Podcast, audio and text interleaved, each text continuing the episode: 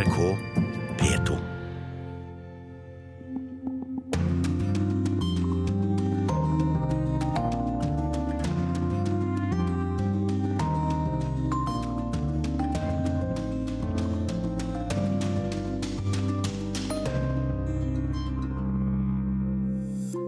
and it came from like a, a gift from heaven. Nobels fredspris var som en gave sendt fra himmelen, sier fredsprisvinneren. I Nigeria avdekkes en stor sultkatastrofe etter hvert som hæren frigjør områder fra opprørsgruppen Boko Haram. Det lille mennesket ved siden av flakket med store øyne, ellers er alt lite og veldig tynt. I USA raser mediedebatten etter at falske nyheter har skapt farlige situasjoner. I Libanon kan voldtektsmenn slippe straff hvis de gifter seg med offeret. Mann med lusekofte og svigerfar i Vadsø kan bli politiker i Romania. Vi skal hylle romfartshelten John Glenn som døde denne uka. The man who conquered outer space makes a new conquest as he takes New York by storm. Det var omtrent fire millioner mennesker som møtte opp langs ruten i New York. Glenn ble møtt med hylende, gråtende mennesker. Og vi skal se på en overraskende forbindelse mellom Fidel Castro og nasjonen som mottar årets fredspris. Klokken 13.05 den dagen, altså fem minutter etter den angivelige avtalen med Castro, ble Gaitan skutt og drept. Og Fidel var i en periode en slags mistenkt. Vel møtt til Urix på lørdag. I korrespondentbrevet skal vi høre om hvorfor det er så mange falne australske soldater gravlagt i Tyrkia. Mitt navn er Dag Bredvei. Først til en sultkatastrofe som har fått liten oppmerksomhet, men som rammer hundretusener av barn i Nigeria. Det enorme omfanget avdekkes nå etter hvert som hæren frigjør nye områder fra de voldelige islamistene i Boko Haram. Terroristene er på retrett, men ikke slått. I går drepte de 20 mennesker ikke langt fra der du har vært denne uka, Afrikakorrespondent Sverre Tom Radøy. Du var med i FN til Nord-Nigeria og er nå med oss fra hovedstaden Abuja. Og hva var det du opplevde der?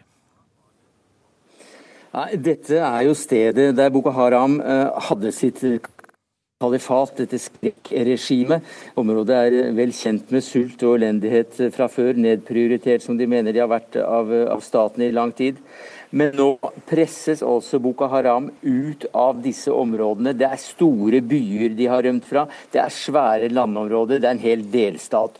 Og da får verden for første gang vite hvor stor denne katastrofen er etter hvert. Leger uten grenser har ropt varsko for over et halvt år siden. Man frykter av at langt flere dør av sult enn de som er drept av Boko Haram.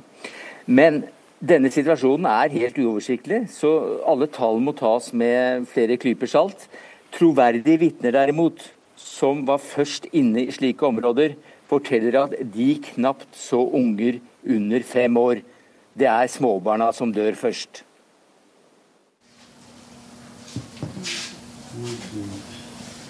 Det sitter en ung, bekymret mor på akuttmottaket i Maduguri. Det lille mennesket ved siden av flakker med store øyne, ellers er alt lite og veldig tynt. Nå behandles hun her, så det blir bra, sier moren. Hun får fram et smil under det okergule hodetørkleet. Legen er mindre optimistisk. Um, she's uh, uh, eight months old and she weighs only 2.6, 2.4 kg actually. And you can imagine for an infant that's eight months old, weighing only 2.6 kg is really, it's really bad. Barnet heter Awa. Det er åtte måneder og veier to og en halv kilo. Moren ser bekymret ned på datteren, pusten er rask, pulsen er lav. Så ligger barnet helt stille, moren dulter borti henne. Jo, det er liv. Det er flere slike steder i Maiduguri der kraftig underernærte barn får en ny sjanse.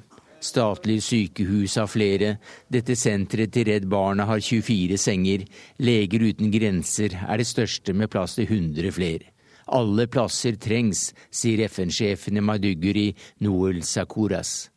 Um, we're talking about five, five million people suffering from, from uh, food insecurity. Um, we're talking about only in Borno State 300,000 kids suffering from severe acute malnutrition. I'm very optimistic.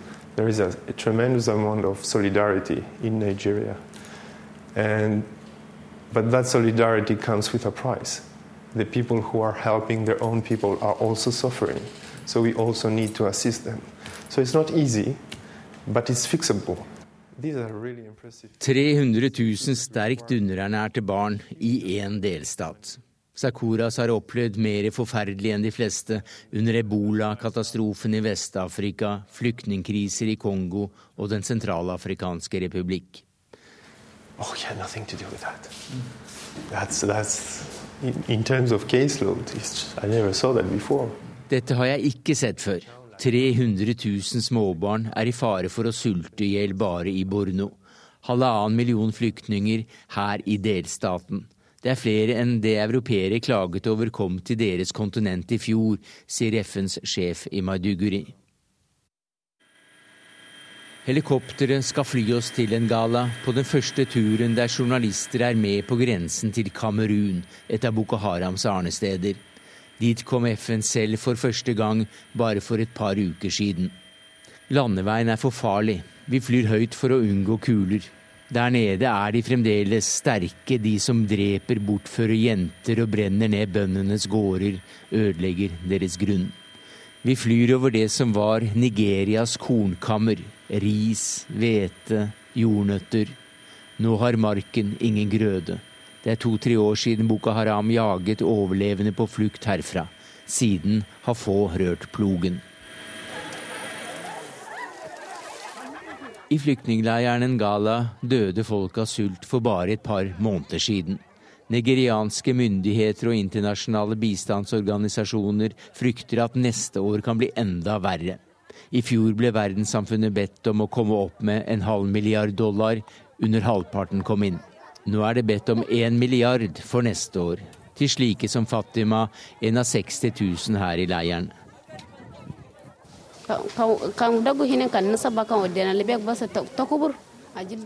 Jeg så det selv da de drepte mannen min.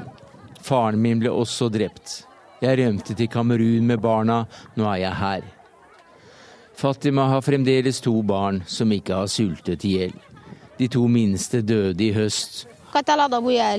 Her er barna mine begravet, de døde av sult, sier Fatima i Ngala i Borno, nord i Nigeria, i sultekatastrofen som det ropes varsko om nok en gang.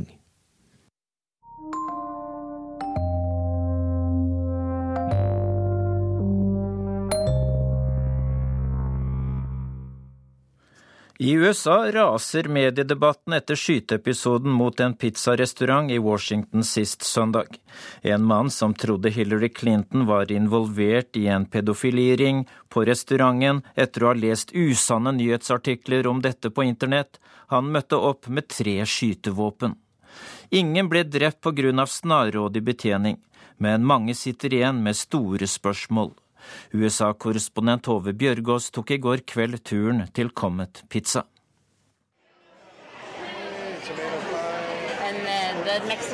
Tomato pie og The Rodrigo. Jeg bestiller de to pizzaene jeg pleier å bestille, og forbereder meg på å vente på dem en god stund. For det er stappfullt på Comet i kveld. Pizzarestauranten ligger bare en kilometer fra der jeg bor, og er vanligvis samlingssted for barnefamilier i nabolaget på fredager. Men i dag var det ekstra viktig å komme hit, synes Carol Hawk og Adrian Benson. I don't understand how people don't have the judgment to recognize when something's bullshit. Jeg forstår ikke at folk ikke har dømmekraft nok til å innse at noe er bullshit, sier Carol. De to småbarnsmødrene har slått ring om nabolagsrestauranten sin etter det som skjedde sist søndag. Da tok en mann fra Nord-Carolina seg inn bakveien og rettet en pistol mot en av de ansatte. Han ville befri seksuelt misbrukte barn, sa han. Mannen hadde lest at Hillary Clinton og kampanjesjefen hennes John Pedesta drev en pedofiliring her, i samarbeid med den aktive demokraten som eier Comet, James Elephantis. I want to say we are deeply grateful to the local law enforcement officers who responded swiftly to our call. Elephantis var forberedt på at noe kunne skje, og politiet kom brennkvikt. For lenge før skytingen. Hadde han fått besøk av folk som hadde lest om pedofiliringen i restauranten i det svært demokratnominerte nabolaget her i Washington.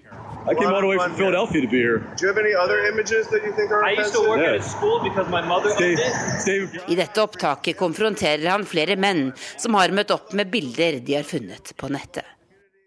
Den vanvittige historien dukket først opp på flere republikanske nettsteder og ble delt på sosiale medier i hurtigtogsfart i valgkampinnspurten. Også av folk som står Donald Trump nær. Som sønnen til Michael Flynn, som Trump har utnevnt til nasjonal sikkerhetsrådgiver. Han tvitret om pedofilihistorien også etter skytingen. Well, General Flynn's son has no involvement in the transition whatsoever. He has a transition email. Visepresident Mike Pence avviste på tirsdag at Flynn jr. jobbet for overgangsteamet til Trump. Men senere sa andre rundt den nyvalgte presidenten at han hadde gjort nettopp det, men fått sparken. Pope Francis endorses Donald Trump. This was the most widely shared fake news story. Where is it? Margaret Sousa viser meg artikler der det står at paven støtter Donald Trump, og at Hillary Clinton lenge hadde et lesbisk forhold til Yoko Ono.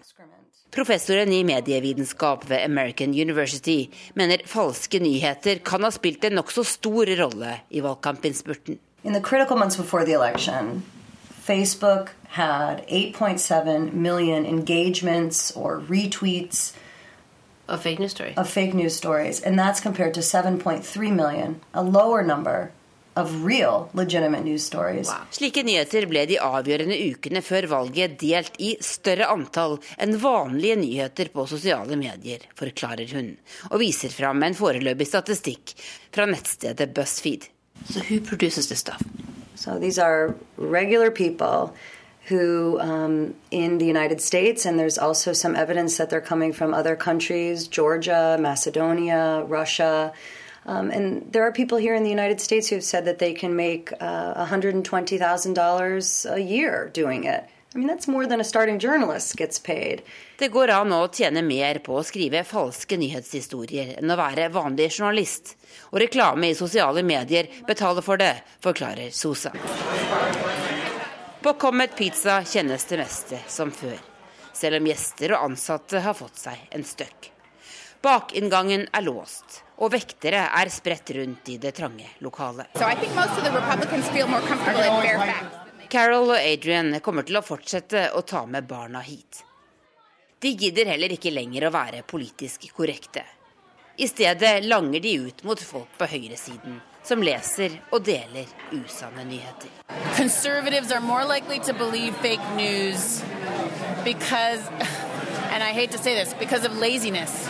Because it's not that they're not smart enough to to you know to figure out that it's fake news, but they but they hear something and they accept it.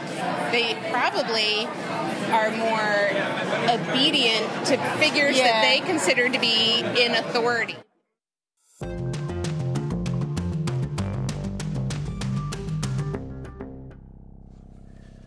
Om litt under to timer mottar Colombias president Juan Manuel Santos Nobels fredspris. Etter ankomst i Oslo i går sa Santos at tildelingen av fredsprisen var som en gave sendt fra himmelen. Like a, a from heaven it gave us a tremendous push. It encouraged me, but encouraged our negotiators, but particularly encouraged the Colombian people to uh, press for a new agreement. Tildelingen ga fredsprosessen en kraftig dytt framover, som inspirerte meg, forhandlerne og hele folket, sa Santos. Og før eh, prisseremonien i dag skal Santos i audiens hos kongeparet på Slottet.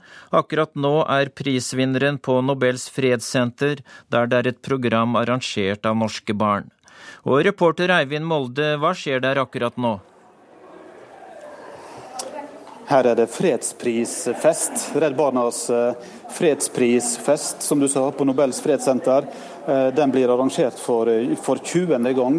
Og Her inne sitter nå 200 barn. Programmet er i full gang. Det er tolv sjuendeklassinger som har planlagt dette. Og så er altså hovedpersonen sjøl, Santos, like om hjørnet. Det er også kronprinsparet. Og når eh, Santos er på plass her, så vil han bli intervjua på scenen av en av disse 20.-klassingene. Det er også to barn fra Colombia som har eh, kommet hit for å være med på eh, Barnas fredsprisfest. Hva er programmet så videre utover dagen, Eivind Molde? Ja, du nevnte jo det at Santos skal i audiens på Slottet. Det skal han da rekke før fredsprisseremonien, som starter klokka 13. Der er tradisjonen tru både kongepar, kronprinspar og medlemmer av eh, storting og regjering eh, til stede. Det er nestlederen i Nobelkomiteen, Berit Reiss-Andersen, som skal overrekke prisen eh, i dag. Det er en gullmedalje, det er diplom, og det er 7,5 millioner kroner. Eh, Santos har sagt at eh, han vil bruke prispengene først og fremst på ofra etter den lange konflikten, eh, den lange borgerkrigen, 50 år i Colombia. Takk skal du ha, Eivind Molde på Nobels fredssenter. Akkurat nå er inviterte gjester på vei inn gjennom sikkerhetskontrollen på rådhuset i Oslo. Blant de som er invitert til å være til stede under seremonien, er Marta Rubiano Skretteberg. Hun er opprinnelig fra Colombia, hun er generalsekretær i hjelpeorganisasjonen Caritas Norge og var nylig i Colombia. Og før sendingen startet var hun her i studio, og jeg spurte om hvordan det blir å sitte i rådhuset og se at fredsprisen går til hjemlandet hennes ved president Santos. Det blir en fantastisk opplevelse, og noe jeg ikke engang eh, torde å håpe på bare for et år siden. Eh, det har vært en væpnet konflikt som har eh, vært så lenge jeg har levd, og klart det som skjer i dag gjør meg utrolig glad. Så du kommer til å sitte med en tåre i øyekroken i rådhuset i dag? Det tror jeg. Eh, det er noe jeg som sagt ikke tenkte skulle oppleve i min levetid. Og dette er veldig stort eh, for Colombia, men også for oss colombianere. President Santos sa ved ankomst til Oslo i går at fredsprisen var som sendt fra himmelen. Det kom på et tidspunkt da han og hele landet trengte det som mest, og er du enig? Det er jeg enig i. Eh, fredsprisen kom på et veldig viktig psykologisk tidspunkt, eh, da spenningen i det colombianske samfunnet var i ferd med å øke eh, etter folkeavstemningen, hvor flertallet sa nei til prosessen. Men etter at vi Colombia det colombianske folket representert i Santos fikk eh, nobelfredspris, så var det som å gi energi, drivkraft, til fredsprosessen videre. Det var veldig, veldig viktig. Du har nylig vært i Colombia, og er det et stolt folk som følger med fra Colombia i dag, tror du? Ja, eh, folk er eh, veldig, veldig stolte. Eh, det er ikke hver dag at verdens øyne vendes mot Colombia. En fredspris skaper stor internasjonal oppmerksomhet. Colombia trenger det, og Colombia trenger det videre i forhold til implementeringen av fredsprosessen. Det internasjonale samfunnet vil spille en veldig viktig rolle med å gi støtte både humanitært, økonomisk, men også politisk. Ser eh, folk i Colombia dette som en pris til alle colombianere? Ja, eh, det gjør folk. Og det, da presidenten eh, fikk, i Colombia fikk Nobels fredspris, så var han veldig tydelig for at eh, prisen var til det colombianske folket, og dette ble veldig godt mottatt. Han også sa noe veldig, veldig flott, og han sa det at det var også til ofrene til konflikten. Dette falt i god jord i Colombia. Og noen av ofrene de er med i delegasjonen til Santos hit til Oslo? Ja, Eh, det, det, er det. Og så er dette veldig, veldig positivt. Det symbolsk er veldig viktig for eh, colombianere. Eh, Santos sier at våpnene har stilnet, men nå begynner den vanskelige jobben med å bygge freden. Og hva kommer til å skje nå? Eh, det er veldig viktig, det som eh, kommer til å skje videre. Colombianske myndigheter eh, har nå et stort ansvar for at demobilisering og avvendingsprosessen av FARC-soldater skjer i tråd med avtalen. Spesielt vil jeg understreke sikkerheten for demobiliserte soldater. Det er kjempeviktig, men også for sivilbefolkning i de FARC-kontrollerte områder etter at FARC forlater disse områder. Man har fått meldinger, bekymringsmeldinger at paramilitære og andre væpnede grupper kan rykke inn, og dette er litt farlig for videre i prosessen. Helt til slutt, Marta Rubiano Skretteberg. Har du en god følelse for Colombias framtid etter dette året dominert av fredsavtale og fredspris? Ja, absolutt. Jeg er betinget optimist. Eh, jeg tenker at det er kjempeviktig og at alle oss colombianere deltar aktivt. Og det må huske på at hat og hevn har gått fra generasjon til generasjon i Colombia. Denne onde sirkelen må brytes. Tusen takk skal du ha, og lykke til i dag. Takk. Forrige helg ble Cubas tidligere president Fidel Castro gravlagt. Denne helgen er nyhetsbildet preget av at Colombias president altså blir tildelt Nobels fredspris. Og det skjer etter at han fremforhandlet en fredsavtale med FARC-geriljaen etter mer enn 50 års borgerkrig. Poenget i denne sammenheng er at de to begivenhetene, borgerkrigen i Colombia og Castros revolusjon på Cuba, henger tett sammen. Det forteller Joar Hoel Larsen. El Bogotazo. El inicio de un nuevo periodo de violencia en Colombia. De kaller det Bogotazo. Opptøyen i den colombianske hovedstaden Bogotá, som begynte den 9. april 1948 da det liberale partiets leder, den karismatiske og populære presidentkandidaten Jorge Elieser Gaitan, ble skutt og drept av en etter alt å dømme sinnsforvirret person. Siendo la una y cinco de la tarde, el líder popular y jefe del Partido Liberal, Jorge Eliezer Gaitán, fue herido de muerte mientras salía de su oficina de abogado. Gaitan var de undertryktes venn og de fattiges håp.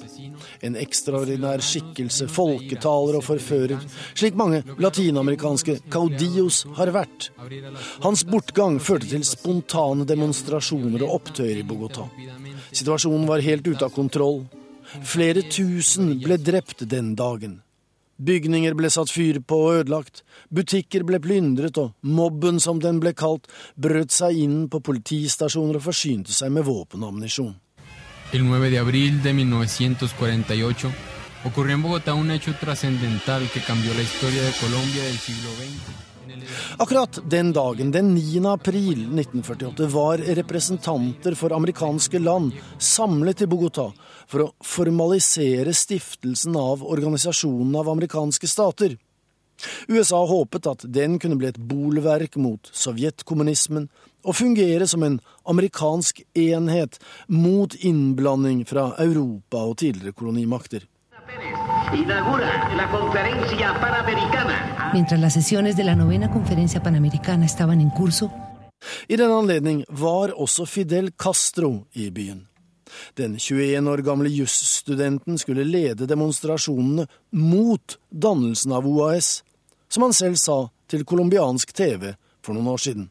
Estamos haciendo un congreso de estudiantes latinoamericanos que coincidía o coincidió o lo hicimos coincidir con la conferencia panamericana.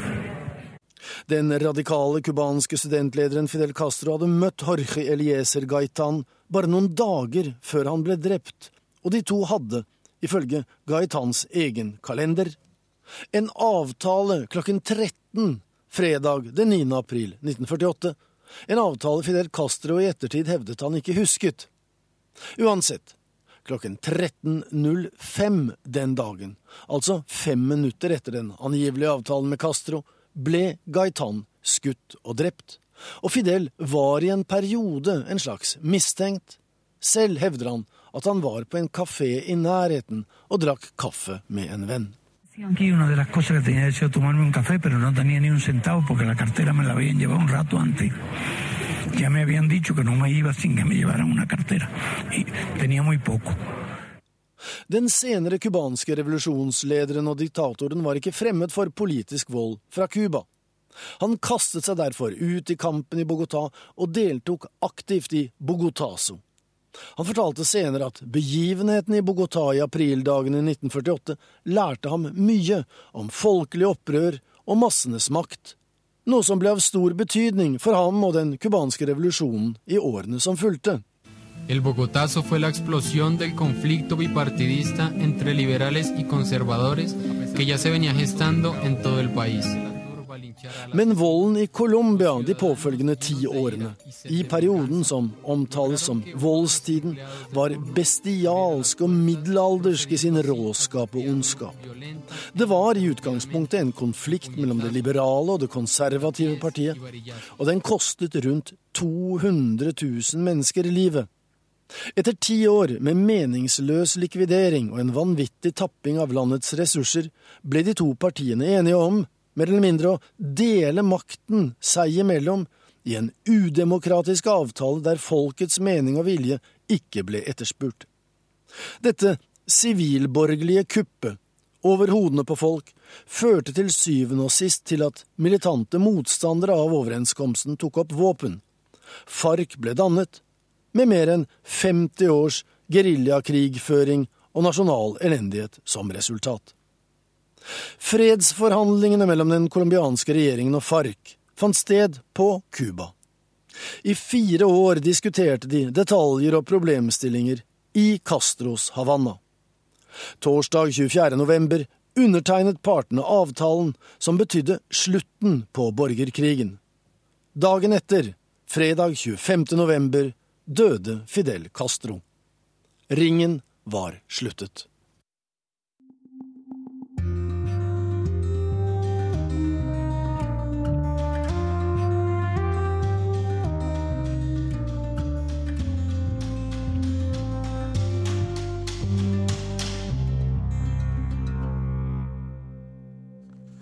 Klokka er 11.32. Du hører på Urix på lørdag, der vi forflytter oss til Libanon. Der er det slik at voldtektsmenn kan slippe straff dersom de gifter seg med ofrene.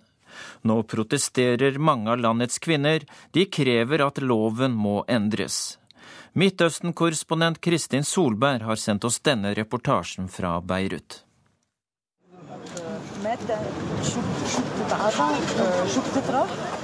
Ved første øyekast ser de ut som vanlige bruder, kvinnene som står i sentrum av Beirut. De er kledd i hvite kjoler og med hvitt sjal. Og de er sentrum for oppmerksomheten til en liten gruppe mennesker og fotografer som har samlet seg rundt dem. Men det tar ikke lang tid å se at dette slett ikke er vanlige bruder. Kjolene er laget av bandasjer og gassbind. Kvinnene har blodflekker på armer og ben. Og til forskjell fra mange bruder finnes ikke antydning til smil.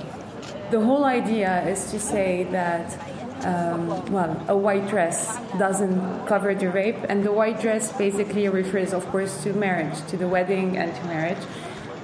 Det er Sulaima Mardam som snakker. Hun jobber for kvinnerettighetsorganisasjonen Abad, som står bak kampanjen med brudene. Slagordet er 'En hvit kjole dekker ikke over voldtekt'.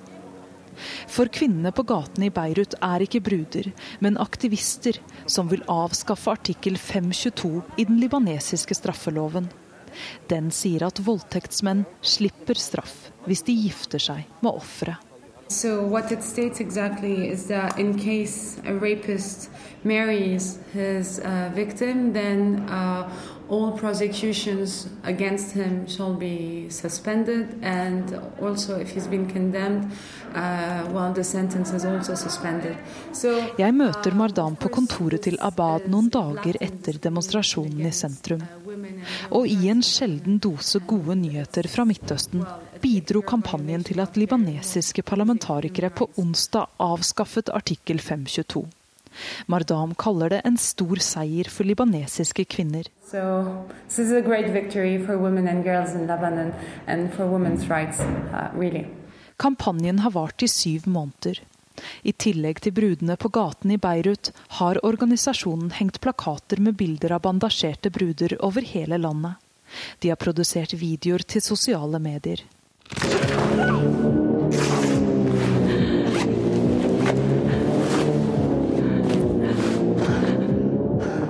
I en av videoene vises en blodig kvinne som slenges i bakken og bandasjeres med tvang. Til slutt er hun kledd i en blodig brudekjole laget av gassbind.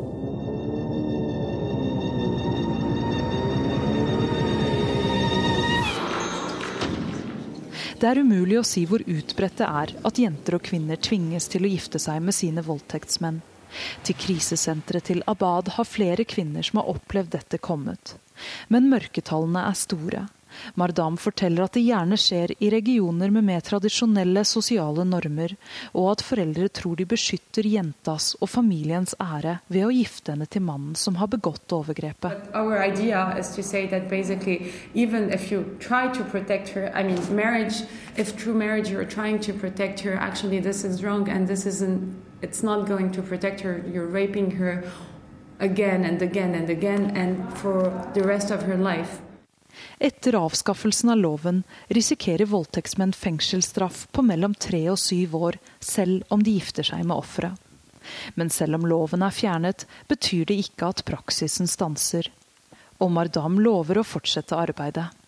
But it's the first step because, you know, I mean, we have to keep on fighting, and uh, but it's victory like this, cumulated, that basically really contributes in the big picture and in the long run to really um, achieve gender equality.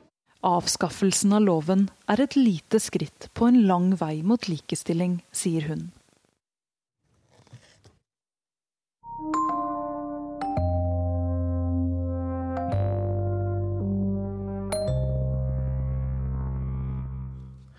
I morgen er det valg på ny nasjonalforsamling i Romania. Flere rumenere som arbeider i Norge stiller til valg, og en av de har mulighet til å bli valgt. Julian Bulai har bygd seg opp i hjembyen Roman, som ligger øst i Romania. NRK var med i innspurten av valgkampen. Reporter Roger Severin Bruland har sendt oss denne reportasjen fra Roman, som ligger helt øst i landet, nær grensen til Moldova og Ukraina. Hei, Roger. Kom, bli med meg fort. Det er travelt å drive valgkamp i Romania. Julian Bulei er på vei for å registrere observatører for valgdagen. Lista med navn kommer med ekspresspost. I bilen kommenterer jeg at han har tatt på seg lusekofta fra Norge, der han har bodd i åtte år, og han er gift med en NRK-journalist. Er det noe som kan bli brukt mot deg? At du ikke har bodd i Romania på en stund? Nei, men det, det, det er visst at jeg ikke bodde i Romania på en stund, men jeg vet ikke om det er helt eh, lurt å komme frem med en helt norsk genser som, som ser helt fremmed ut, da. Bulai stiller til valg i Nemts fylke. Målet er å komme inn i nasjonalforsamlinga. Meningsmålingene er lovende. Han representerer Unionen for å redde Romania. Nestlederen klarte nesten å bli borgermeister i sektor 1 i hovedstaden. Siden har partiet vokst, mest blant ungdom. Kampsakene er å bekjempe korrupsjon og reform av offentlig sektor. Det som er veldig synlig i Norge, er at Romania har veldig mange fattige folk. Og det er sant, Romania har veldig mange fattige folk. Men Romania har eh, langt flere behov enn å bare utrydde fattigdom. Vi må skape arbeidsplasser. vi må investere i utdanning, vi må ha en bedre helse. Men så var det denne lista med observatører, da. Ved kontoret nekter de å ta den imot. De hevder Julian har sendt lista på e-post for to dager siden. Jeg ringte Bucuresti, og de sa det var umulig at de skulle ha den søknaden jeg har gitt dem nå. Så det er veldig surete systemer her, ass. Men er det, prøver de å sabotere? på det? Nei, de prøver, de er prøver ikke å sabotere. De, de, prøver, altså de, vet, de vet ikke prosedyrene selv. Forvirringa er komplett. I Romania er det noe veldig rart. Det er en slags redsel for myndigheter. De er ikke Det er den generelle oppfatning er at de er ikke på våre sider, så man må være veldig ydmyk for å ikke gjøre dem sint. Men det ender til slutt godt, og Julian kan fokusere på det han skal. Julian Bulai mă numesc și deschid lista la Camera Deputaților din partea lui Savas România. Mulțumesc din inimă! Altså å drive valgkamp, dele ut flygeblad og snakke med folk. Men dette er heller ikke helt enkelt. En eldre herre nytter høvet til å hylle diktatoren Ceaucescu. Tilbake i bilen forteller Julian at folk har kommet til han i fullt alvor og sagt at løsninga er å drepe alle politikerne i Romania. Han sa at han ville ta alle parlamentarikerne og by dem mat og drikke. Lukke dem i et rom og drepte dem alle. Fordi de er så, og, og det er en generell holdning at vi trenger en gjennomreform av den politiske klassen som er så radikal at ingen av de gamle politikerne må være med. Vi kjører mot byen Roman i Nemtsfylket when thousands of people came surrounding this place and we went through the doors and we flew the picture of Ceausescu right here, December 22nd. Christian var i ungdommen med på å kaste Ceaucescu-portrett ut vinduene av rådhuset under revolusjonen. But right now, the bottom line is this: Do we have Rexted? Do we have a, a you know a rule of law in Romania or not? Which is is beyond the left or right uh, sympathy. Da, să aveți o zi bună. V-am, v-am recunoscut că veneați la biserică la noi. Det det handler om for Unionen for å redde Romania, er å endre den politiske kulturen. Er det en fare for at du kan bli påvirka av all korrupsjonen og bli, eh, bli sånn som deg? Ja. Altså, det er en av de anklagene som kom veldig ofte, om at jeg er kanskje all right nå, men, men eh, mest sannsynlig kommer jeg til å ende opp som en korrupt mann. Hvordan vil Bullei sjøl klare å beholde det moralske kompasset? Han forteller at svigerfaren i Vadsø er en stor inspirasjon. Han er varaordfører i Vadsø, og jeg ser på han er en veldig beskjeden mann som jobber for samfunnet mest frivillig. Så den type politikeren som er beskjeden, oppfører seg normalt og kjemper for folket, vil jeg også være.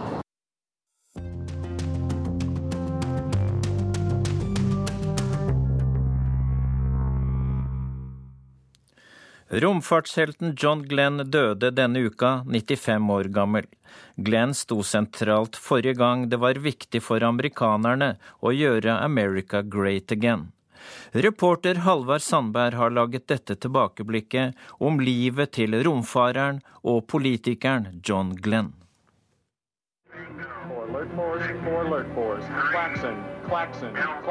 Det var kald krig på det blåeste.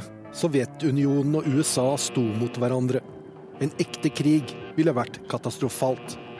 Krigen ble derfor ført på avstand gjennom andre instrumenter. Proxy var et begrep som ble godt kjent.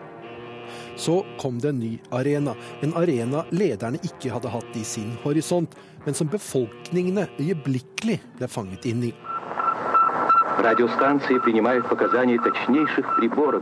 Den sjokkerende nyheten om at de teknologisk underutviklede sovjeterne hadde skutt opp den første satellitten, Sputnik.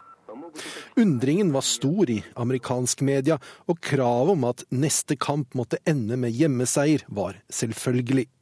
Scenen var klar for John Glenn.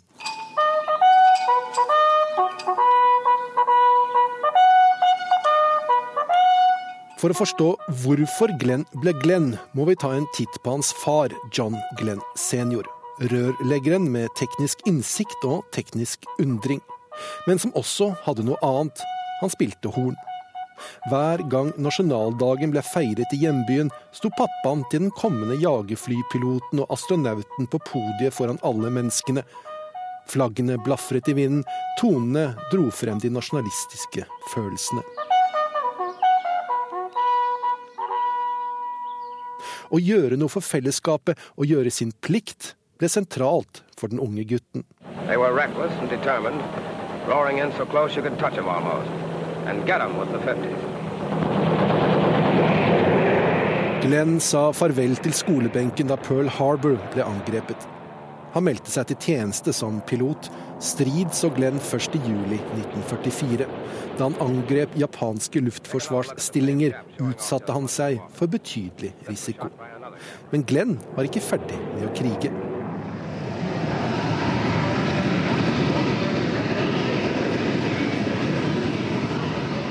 I Korea fikk han muligheten han hadde jaktet på, å vinne en luftkapp. I sin F-86 Sabre jaktet han på de etterlengtede MiG-15. Det gikk nesten ikke bra for Glenn. Samtalen om fred ble mer og mer truende, og det var bare dager igjen av krigen da han fikk det til.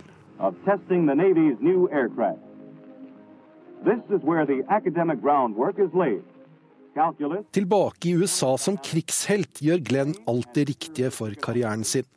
Han blir testpilot. Det ble regnet som toppen av pyramiden for militære piloter på den tiden. Han greier å komme i posisjon for å gjennomføre noe spektakulært, den første supersoniske turen fra kyst til kyst i USA. Ferden, prosjekt Kule, blir en suksess, og bildet av Glenn er på forsidene. Men det kommer mer. And now Free Zone presents. Avisforsiden er grunnlaget redaktøren i TV-programmet Gjett melodien har når de inviterer Glenn til å være med. Det enormt populære programmet gir Glenn anledning til å sjarmere det amerikanske TV-publikummet. Programmet sendes 4.10.1957. Samme dag som Sputnik også blir en del av den amerikanske bevisstheten. These men, the nation's project To år senere har Glenn greid å komme seg inn i det nyfødte astronautkorpset.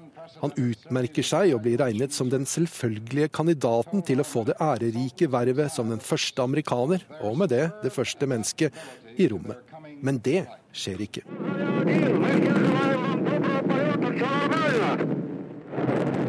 Først tar Juri Gagarin og sovjeterne innesvingen på alle, men for Glenn kommer det mer.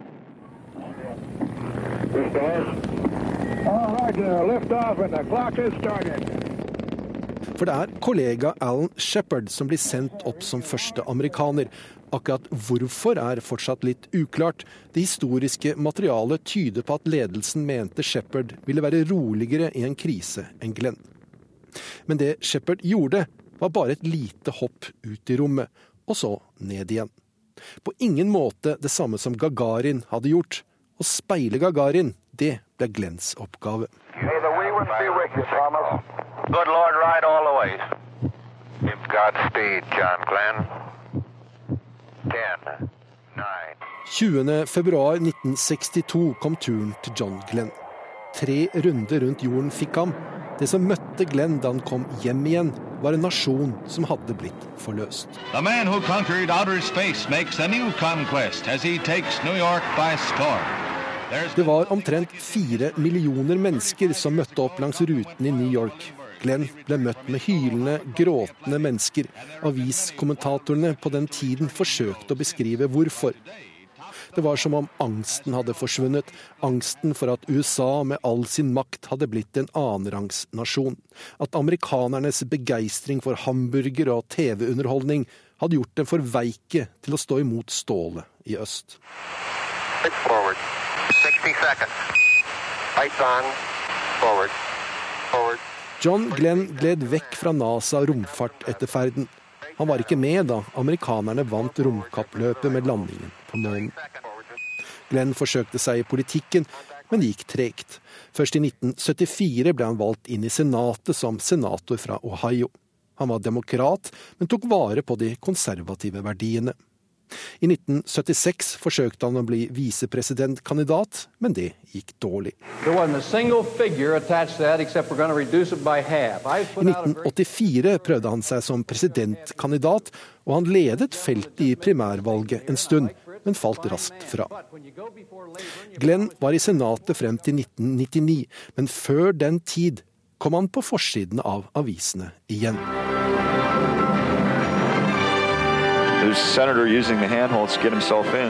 Ved å presentere seg selv som et forsøksobjekt om aldring og vektløshet det ikke var mulig for NASA å ignorere, ble Glenn sendt opp i rommet igjen i 1998. Folkene i romfergen beskrev ham som en solid fyr, hjelpsom, høflig og flink. Absolutt ingen byrde. Det Glenn etterlater på denne jord, er vitnesbyrdene fra menneskene som har hatt med ham å gjøre. De sier han var modig, ærlig og trofast.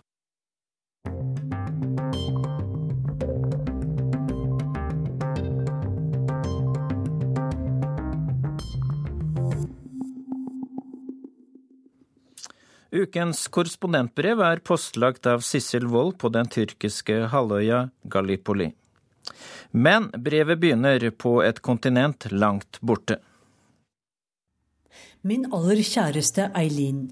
Jeg tenkte jeg skulle skrive dette til deg i tilfelle jeg plutselig faller. Disse ordene skrev den australske soldaten Tom White fra Gallipoli 25.4.1915. Han regnet med å dø på fremmed jord, og tok farvel med sin forlovede. Bare tenk på meg som ikke-eksisterende i ånd, helt utslettet. Farvel, min kjæreste. Måtte du få all den glede du fortjener i livet ditt. Det er mitt siste ønske. Dagen etter ble White drept. Første gang jeg kom over navnet Gallipoli, var da jeg besøkte Australia i 1996. Der støtte jeg på navnene Gallipoli og Ansak i ett sett. Overalt. Gallipoli var et mytisk sted, et begrep, ja nesten en tilstand for den australske nasjonen. Men hvor er egentlig Gallipoli? spurte jeg en australier. Det er i Tyrkia, var svaret. I Tyrkia? Hva i all verden gjorde australske soldater der borte? Her måtte jeg lese meg opp. Da første verdenskrig brøt ut i 1914, var det hvite Australia en meget ung nasjon, bare 13 år gammel. Den nye nasjonen Down Under slet med omdømmet som røverstat. For i 80 år hadde slitne skuter dumpet Storbritannias kriminelle ved Australias strender. Britiske politikere trodde at de kunne bli kvitt den kriminelle klasse ved å sende kjeltringene til verdens ende. Men nå var det nye tider. Australia skulle bygge seg som nasjon, og var på søken etter en egen identitet og egne helter å være stolte av. Sjansen til å markere seg på den internasjonale scenen kom snart. Da moderlandet Storbritannia erklærte krig mot Tyskland i 1914, lovte Australias statsminister å sende unge, friske soldater. Mange tusen eventyrlystne menn meldte seg for å kjempe for heder og ære under banneret til The British Empire. I London hadde den sigarrøykende marineministeren Winston Churchill lagt en plan. Han var på krigsstien og ville slå til mot Tysklands allierte, tyrkerne, altså det osmanske riket. Målet var halvøya Gallipoli. For den som kontrollerer Gallipoli, kontrollerer Dardanellene, som er stredet til Marmarahavet som leder rett til Istanbul. Og gjennom Istanbul går Bosporostredet, som leder rett til Svartehavet og til Russland, som var Storbritannias allierte. Churchill ville ta Konstantinopel, som byen het da, for å åpne forsyningslinjene til Russland. Winston Churchill mente at tyrkerne ville bli en lett match, siden det osmanske riket lå på sotteseng og ble omtalt som Europas syke mann. Men her skulle han ta grundig feil. Vi er alle opprømte og begeistret for å dra ut, men det er veldig vondt for mor, skrev en nyvervet australsk soldat i 1915. De Ansaks var på vei, altså Australian and New Zealand Army Corps. Og så står jeg her og ser utover Anzac Cove, bukta der australiere og newzealendere rodde i land i kuleregn for 100 år siden. Gallipoli er en lang halvøy. På den ene siden ser jeg stredet som fører til Istanbul. Vannet lyser nesten turkist mot de mørke skyene. På den andre siden ligger Egerhavet som et gråblått teppe denne mørke desemberdagen. Jeg har alltid hatt en sterk dragning mot historiske steder der dramatiske hendelser har funnet sted. Og få områder har sett en blodigere kamp der så mye sto på spill som denne halvøya. På åskammene sto tyrkiske soldater og ventet på australierne. Tyrkerne kjempet for å overleve som nasjon, og mistet de hovedstaden sin, Konstantinopel, hadde de ingenting igjen. Tyrkerne, Johnny Turk som australierne kalte dem, ble ledet av Mustafa Kemal Atatürk. Dere skal ta høydene. Det var ordren australierne hadde. Jeg beordrer dere til å dø. Det var Mustafa Kemals ord til sine soldater. Den blodigste kampen sto om tunnelene og skyttergravene på Åsryggen. På tre døgn døde 6000 soldater i nærkamp, mer enn én mann i minuttet. Også hærfører Mustafa Kemal skrev brev fra felt til sin venninne Corinne Lutfu. Livet her er virkelig et helvete, men heldigvis er mine soldater svært modige og tøffere enn fienden. I tillegg gjør deres personlige tro det lettere å sende dem til sin død. De ser bare to utveier seier for troen eller martyrdom. Vet du hva det siste betyr? Å gå rett til paradis. Der venter Guds vakreste kvinner, som vil tilfredsstille deres ønsker i evighet. Hvilken stor lykke! Jeg står i området midt mellom skyttergravene, det som var ingenmannsland. Så nære hverandre de sto. Bare 10-12 meter skilte posisjonene her. Etter uker med kamp lå likene strødd overalt. Og for å få begravet sine døde kamerater ble partene enige om en 18 timers våpenhvile. Tyrkere, australiere og newzealendere møttes på nøytral grunn. Der, midt blant hundrevis av illeluktende lik, hilste soldatene nysgjerrig på hverandre. Vi utvekslet sigaretter med de andre offiserene, og en tyrkisk feltlege ga meg to ulldotter til å putte i neseborene. Både våre menn og tyrkerne tittet opp fra skyttergravene. Alle virket fornøyde over å kunne betrakte hverandre med nysgjerrighet, uten frykt for snarlig død. Det skrev oberstløytnant Fenwick fra New Zealand. Etter våpenhvilen, med raske minneord over de døde og gryende vennskap mellom de levende, gikk de tilbake til skyttergravene sine. Og så fortsatte de å angripe hverandre, men med større respekt enn før. Også brevene hjem endret tone. Tyrkeren er en gentleman, skrev australierne nå. I den tyrkiske hæren var det bare 5% som kunne skrive og lese. Et av få tyrkiske brev fra Gallipoli er fra kaptein Mehmet Tevfik til foreldrene hans. Jeg skriver disse linjene så dere har et minne om meg. Dere, foreldrene mine, gjorde alt dere kunne for å oppdra meg og gjøre det mulig for meg å tjene mitt land. Men jeg har ingen forhåpninger om å overleve de kampene jeg skal i nå. Å rusle rundt på denne blodstengte halvøya er å gå på en enorm gravgård. Overalt ser jeg graver. Enkeltgraver og massegraver endeløse rekker av navn på falne, menn i sin beste alder.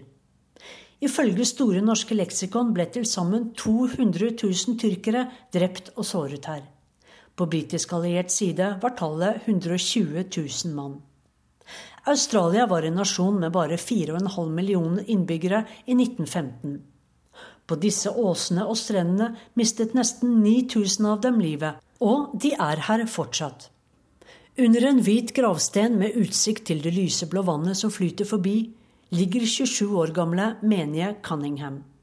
Under navnet hans leser jeg 'Den eneste sønnen til David og Isabella Cunningham'. Kom Isabella fra Australia og hit under minneseremonien i 1934? Fikk hun høre tyrkernes tidligere hærfører, nå president Mustafa Kemal Atatürk, da han forsøkte å lege mødrenes smerte?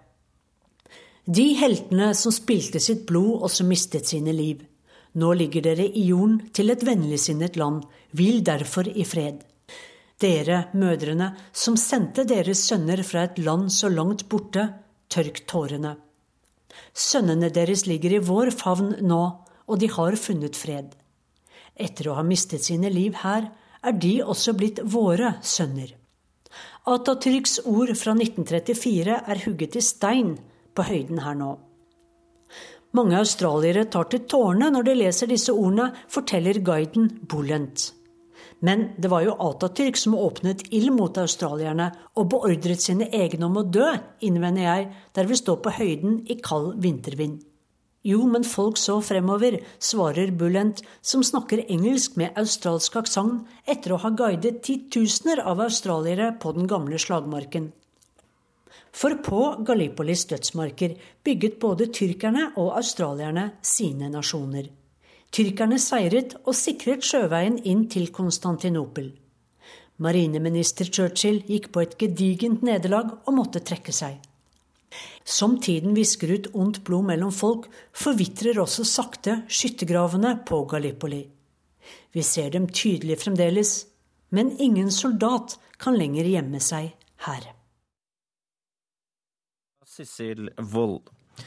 Hovedsaken i denne sendingen var Nobels fredspris. I Nigeria avdekkes en stor sultkatastrofe etter hvert som hæren frigjør områder fra opprørsgruppen Boko Haram. I USA raser mediedebatten etter at falske nyheter har skapt farlige situasjoner. I Libanon kan voldtektsmenn slippe straff hvis de gifter seg med offeret. Og vi hadde også saker om valget i Romania i morgen, og om romfartshelten John Glenn som døde denne uka. Vi minner om at en kortversjon av Urix på lørdag sendes i P2 etter Dagsnytt 16.30. Teknisk ansvarlig Lisbeth Sellereite, produsent Ingvild Ryssdal og jeg, Dag Bredvei, takker for følget.